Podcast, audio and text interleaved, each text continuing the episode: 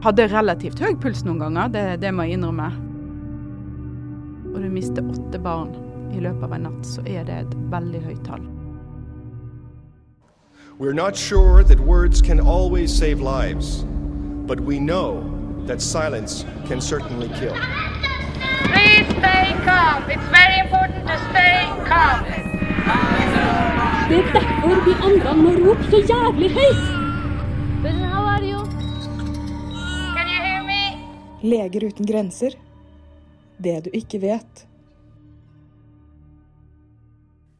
Velkommen skal du være til fjerde episode av Det du ikke vet, som er en podkast om glemte humanitære kriser. Vi varsler om kriser som få snakker om, fordi vi mener at færre dør når flere vet. Jeg heter Benedicte, og i dag så skal jeg snakke med en feltarbeider som har kjempet mot verdens mest smittsomme sykdom i Den demokratiske republikken Kongo. Hva tenker du på når du hører ordet meslinger? Mange får kanskje assosiasjoner til røde utslett og sviende kløe, men meslinger er jo egentlig ikke noe vi hører så mye om i dag. I Norge så er sykdommen nærmest utryddet, med unntak av et par tilfeller som dukker opp her og der. Men frem til 1969, da meslingvaksinen ble innført i barnevaksinasjonsprogrammet her, så oppsto det jevnlige utbrudd i Norge, som også var ganske store. Men i dag så finnes det altså en meslingvaksine på verdensmarkedet, og den er både billig og effektiv. Så spørsmålet mitt i denne episoden her er hvorfor fortsetter likevel meslinger å bryte ut i mange lavinntektsland, inkludert eh, Kongo, som vi skal snakke om i dag, der den også tar mange, mange barneliv. Det kan nok eh, feltarbeider Miriam Steinstø Haugen eh, hjelpe meg å svare på, for hun har faktisk reist på motorsykkel gjennom DR Kongo med teamet i Leger uten grenser for å få meslingvaksinen frem til de som trenger den. Og i dag så skal vi få høre om en strabasiøs reise gjennom jungelen, men også om varme og bokstavelig talt hårreisende møter. Miriam, velkommen hit. Tusen takk skal du ha, Benedicte. Kan ikke du bare aller først fortelle litt kort om hvem du er? Jeg er feltarbeider. Jeg har vært det siden 2015. Eh, Nå har jeg hatt eh, åtte ulike oppdrag for Leger uten grenser så langt. Jeg begynte i Sør-Sudan. Det var det første oppdraget. Og for så vidt òg det andre i Sør-Sudan. Og så hadde jeg en fast jobb i Norge. Og så hadde jeg oppdrag ved sida av. Men så fant jeg ut at nei, jeg har lyst til å jobbe 100 for Leger uten grenser. Så i 2019 så sa jeg opp uh, den jobben jeg hadde, den første jobben. Og så de siste to årene så har jeg jobba 100% for Leger uten grenser. Så ja, de siste fire oppdragene, da uh, ja, har jeg vært i, um, i Kamerun, i Den sentralafrikanske republikk, i Etiopia. Og siste oppdraget som jeg har lyst til å få snakke om nå, det er fra Kongo, eller uh, DR Kongo. Spennende. Jeg gleder meg til å høre. Og du har jo da bakgrunn som sosialantropolog, faktisk. Det er ikke sånn at det bare er leger som jobber i Leger uten grenser. Og du jobbet da som prosjektkoordinator for et såkalt mobilt kriseteam. Eh, RUSK er forkortelsen. Eh, hva står det for? ja, RUSK det står for Réponse Urgence et Surveillance og Kongo.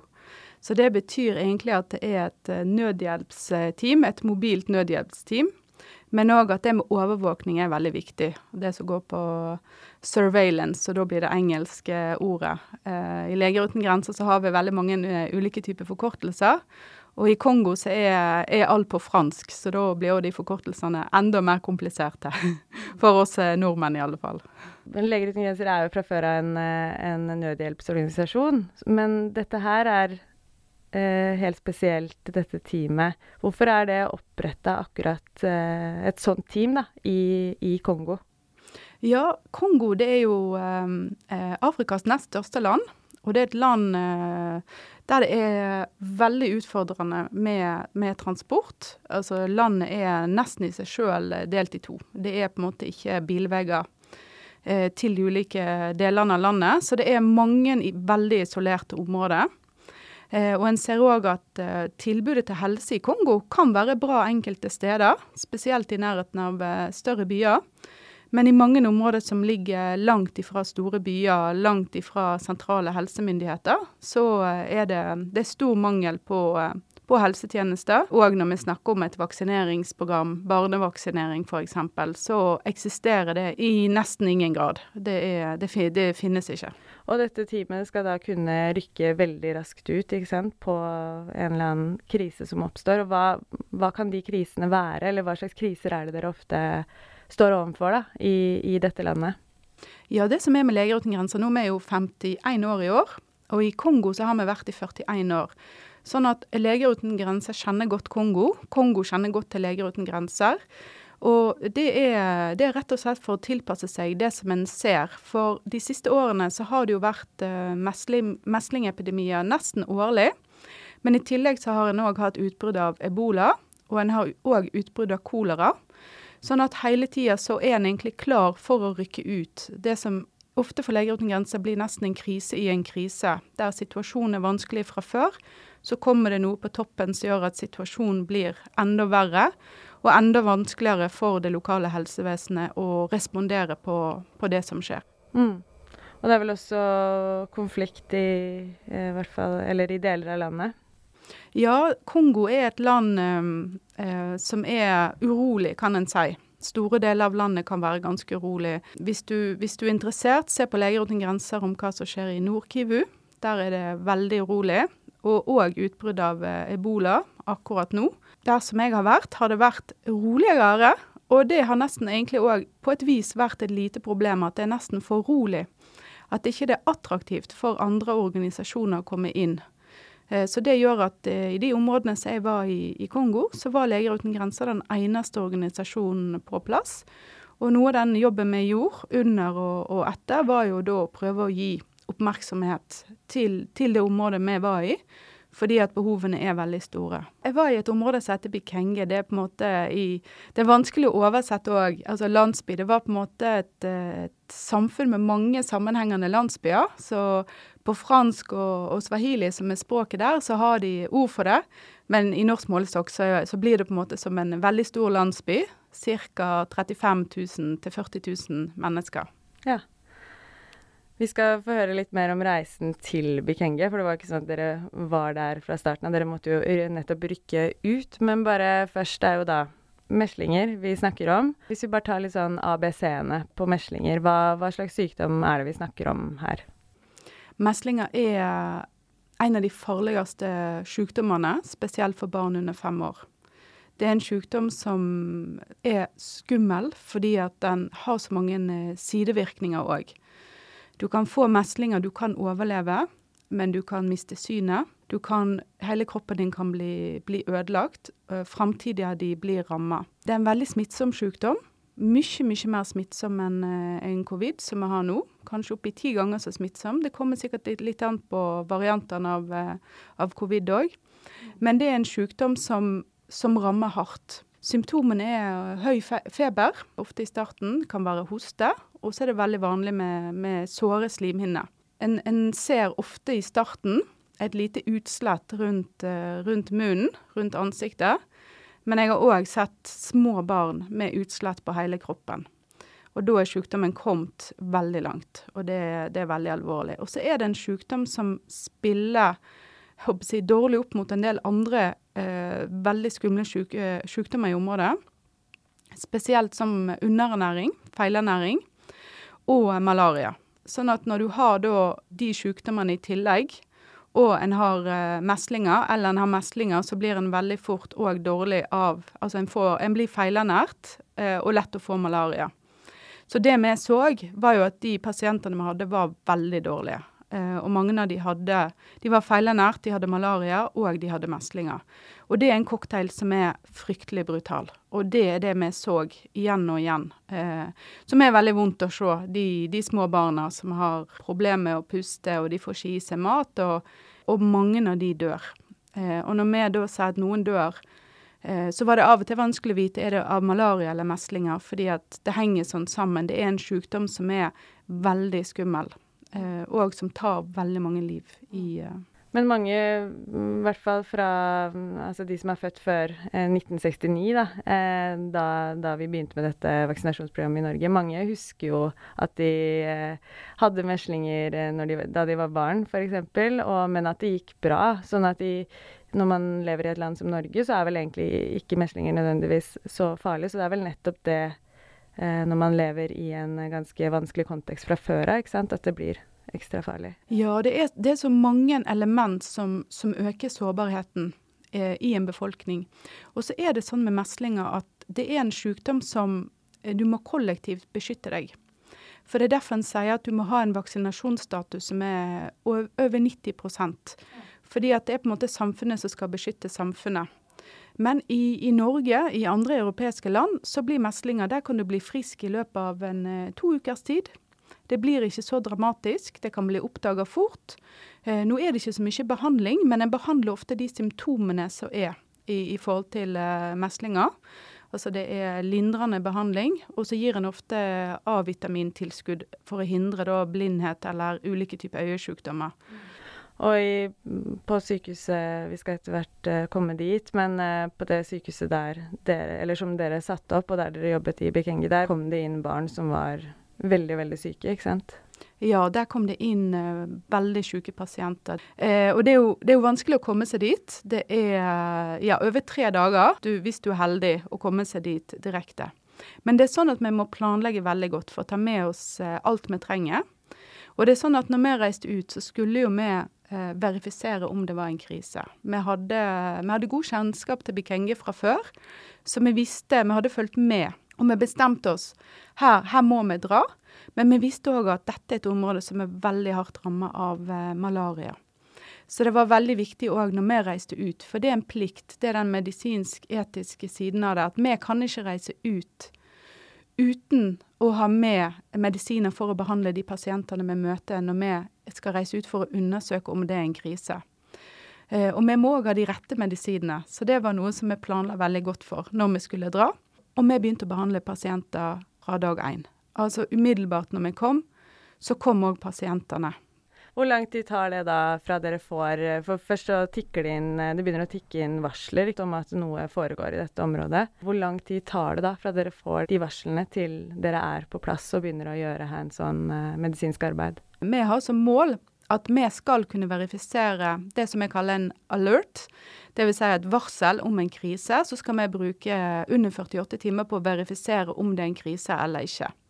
Og I dette tilfellet så hadde vi jo fulgt situasjonen nøye over ganske lang tid. Eh, og når vi gikk inn i november, når vi bestemte oss, så var på en måte tallet så høye at eh, det var ikke tvil om at vi måtte gå inn.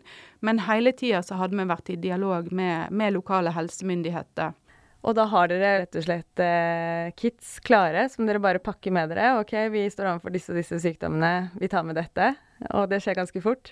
Det skjer veldig fort. og det er veldig gode system for det i Leger uten grenser. Fordi at når vi reiser ut på den måten, når vi har med oss, eh, vi har med oss leger, vi har med oss sykepleiere, og noen av de, de begynte umiddelbart å jobbe på sykehuset sammen med de andre som jobber på sykehuset. Og det er noe som jeg hadde planlagt for, med, med myndighetene òg, så de var klar over det. Vi visste litt hvor masse medisiner har de igjen. De var nesten tom for alt av medisiner. De hadde ingenting. Så vi, vi visste ganske mye når vi kom inn. Og da ene teamet er på sykehuset, behandler pasienter. Et annet team er jo der for å undersøke hvor stor er denne krisen. Er det en krise som Leger uten grenser må må svare på. Når du, når du snakker om en uh, krise, så, så, er det noen uh, enkle spørsmål en må ha svar på. For det første, er det en krise? Hvor mange er døde? Hvor mange er ramma? Hvem er ramma? Så er neste spørsmål er det Leger uten grenser som skal inn i denne situasjonen. Hva er den lokale kapasiteten? Er det andre organisasjoner der? Er helsemyndighetene på plass? Er det noe vi kan støtte de litt med? Men at de kan eh, styre intervensjonen. Svarene på de spørsmålene som var, er det en krise? Det var tydelig ja. Er det noen som kan respondere utenom Leger uten grenser? Svaret var helt tydelig nei. Det, det finnes ikke. Så Leger uten grenser gikk inn, men samarbeider veldig tett med lokale helsemyndighetene. Vaksinerer sammen med de. Og vaksine kommer òg fra helsemyndighetene. Du må fortelle litt om denne reisen, fordi du sier Bikenge eh, ligger ganske isolert eh, til. Eh, hvordan kommer dere, dere dit? Det er veldig spennende når en, når en sitter i Bukavo og skal planlegge hvordan en skal komme seg fram. For det, det er så mange ting en må planlegge for. Så en hadde mange muligheter. Men en må alltid se.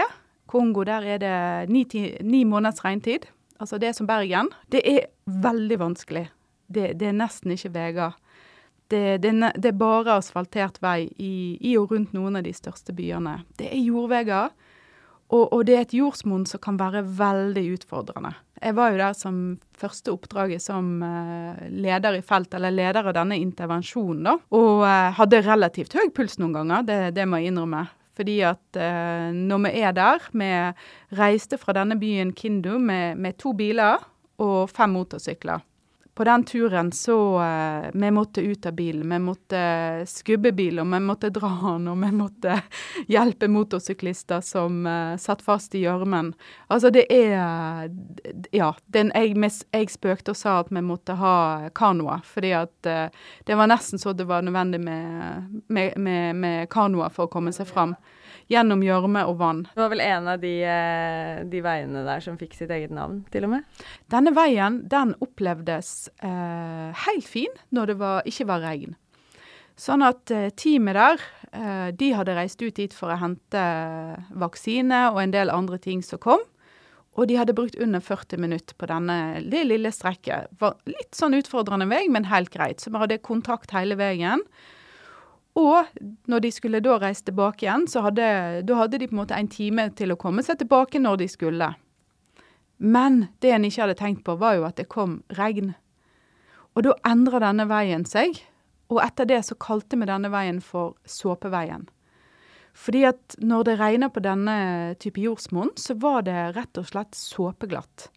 Sånn at de brukte faktisk fire timer på, på det strekket når regnet kom. Som de egentlig skulle brukt eh, Under 45 ja. minutter på. Sånn at eh, det endra seg totalt. De måtte nesten gå, og de var gjennombløt, og de hadde Ja, motorsyklene hadde kvelva. Det hadde gått fint med alle, det var ingen skader, for de hadde jo nesten hatt eh, gåtempo.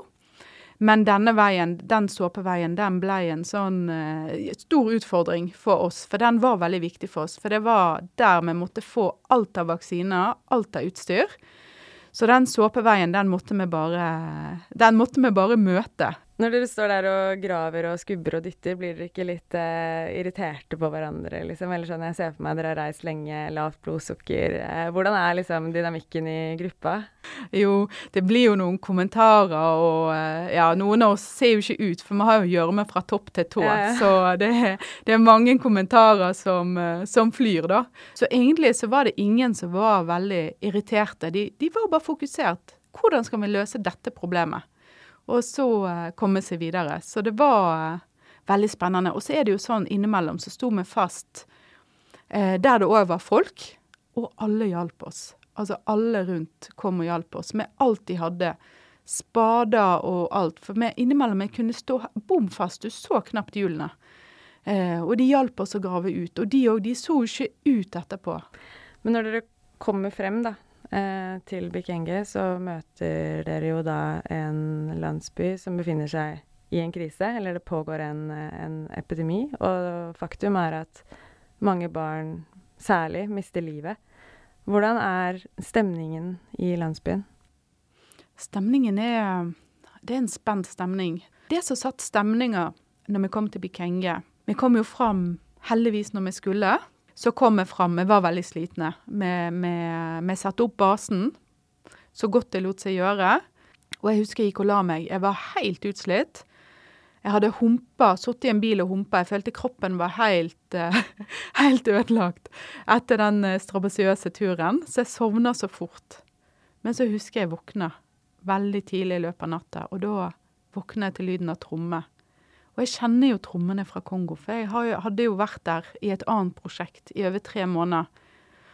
Men disse trommene var de var annerledes enn de trommene jeg kjente. De var ikke de, den glade rytmen når nye barn blir født, som jeg kjente fra før. Det var en annen stemning. Og de trommene, de, de fulgte meg hele veien i Bikenge. De ble en slags motivator for, for det som en skulle gjøre. Og det at de var den første natta, det var så sterkt. Fordi at du følte at her er det noe som har skjedd. Så når jeg våkna, så spurte jeg vår helsepromotør, så sa jeg spurte jeg han har du hørt de trommene i løpet av natta. Jo, han hadde hørt de. Og jeg trodde jo jeg visste hva det var som hadde skjedd, men jeg spurte han veit du hva som har skjedd. Så sa han ja. Ja, Miriam, jeg veit hva som har skjedd. Han hadde snakka, han hadde ringt med sentrale folk i Bikenge, og han kunne si til meg vet du hva, i natt så mista vi åtte barn i Bikenge, og fem av de døde av meslinger. Tre av malaria. Så det var første morgenen når vi våkna til å starte jobben vår i Bikenge. Det var, det var settingen som var Det var realitetene. Ja, når du får høre det, at eh, flere barn har dødd eh, den natta, hva, hva kjenner du? Blir du sint, eller hva slags følelse går gjennom kroppen din? Ja, det er, altså det er spesielle følelser, for du, du kjenner det i kroppen.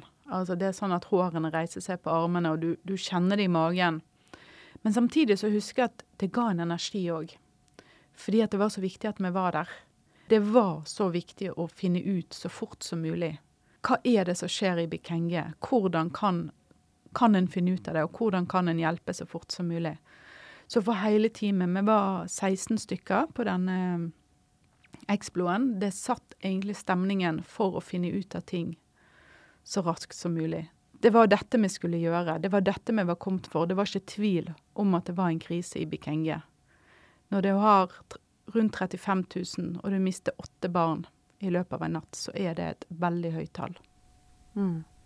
Du sier jo at de trommene fulgte dere egentlig hele veien. På hvilken måte da? Det er jo noe med at de trommene, de, de blei på en måte For meg fra før så kjente jeg det jo Det er jo noe positivt i de trommene. Musikk i Kongo og tromme, det er del av livs, livsrytmen. Og trommene, de er der fra en blir født. De er der når det er de lykkeligste tingene som skjer i livet. Det er bryllup. Det er de store tingene. Men så er det òg når noen, eh, noen dør. Sånn at de trommene, det For min del så er det noe jeg, jeg følte veldig på. Det er nesten sånn at du, du kommer inn i en eh, samme rytme, og du deler, du deler den gleden, du deler den smerten som de trommene symboliserer.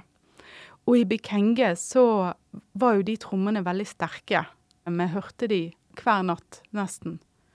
Men så var det noe med den magien på ett vis, når de trommene Når det reduserte på slutten av oppholdet vårt, når vi hadde vært der i sju uker. Når du faktisk måtte lytte veldig hardt etter de trommene.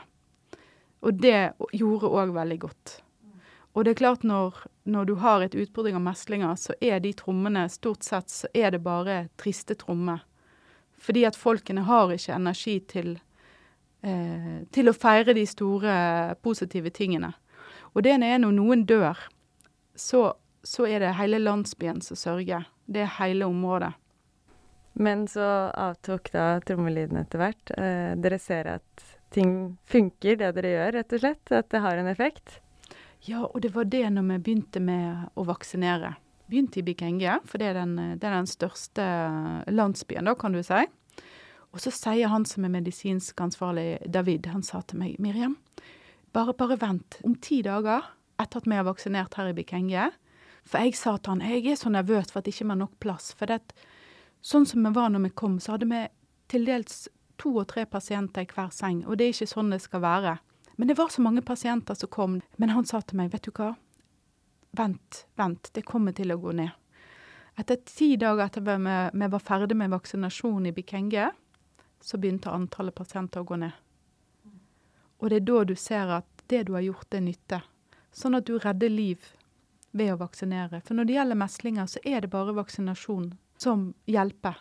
For det fins ingen medisiner, det fins egentlig ingen behandling. Og vi fikk en eh, vaksinasjonsgrad på 92 til sammen. Oi, det er fantastisk. Ja, om lag 30 000 barn, var det? Ja, ca. Mm. 30 000 barn. Ja. Uh, og jeg vet at dere var ganske kreative, og at dere brukte musikk og Som sier, musikk og tromme var viktig uh, alltid i, i Kongo.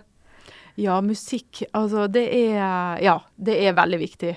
Eh, siste, siste dagen der vi var i denne avenyen òg, så hadde vi musikk på hele tida, og hele teamet vi var i dette området. Eh, sånn som i andre områder òg. Og vi, vi skapte stemning, og vi danser med, med mødrene, med barna, med, med, de gamle. Vi danser med alle. Og, og, det er jo da vi spiller den eh, MSF-sangen, eh, som sier det at eh, er barna dine syke, så må du komme til sykehuset. Her er det gratis medisiner. Så, og det er veldig magisk, for i Kongo så kjenner alle den sangen. Altså alle plassene jeg har vært, så er den, eh, den er så kjent. Jeg, jeg, har veldig lyst til å høre på den sangen, eh, så jeg, jeg, tror vi bare må kjøre på med det. La oss spille et klipp. ja. Afya kwa wote, afya kwa wote. myself new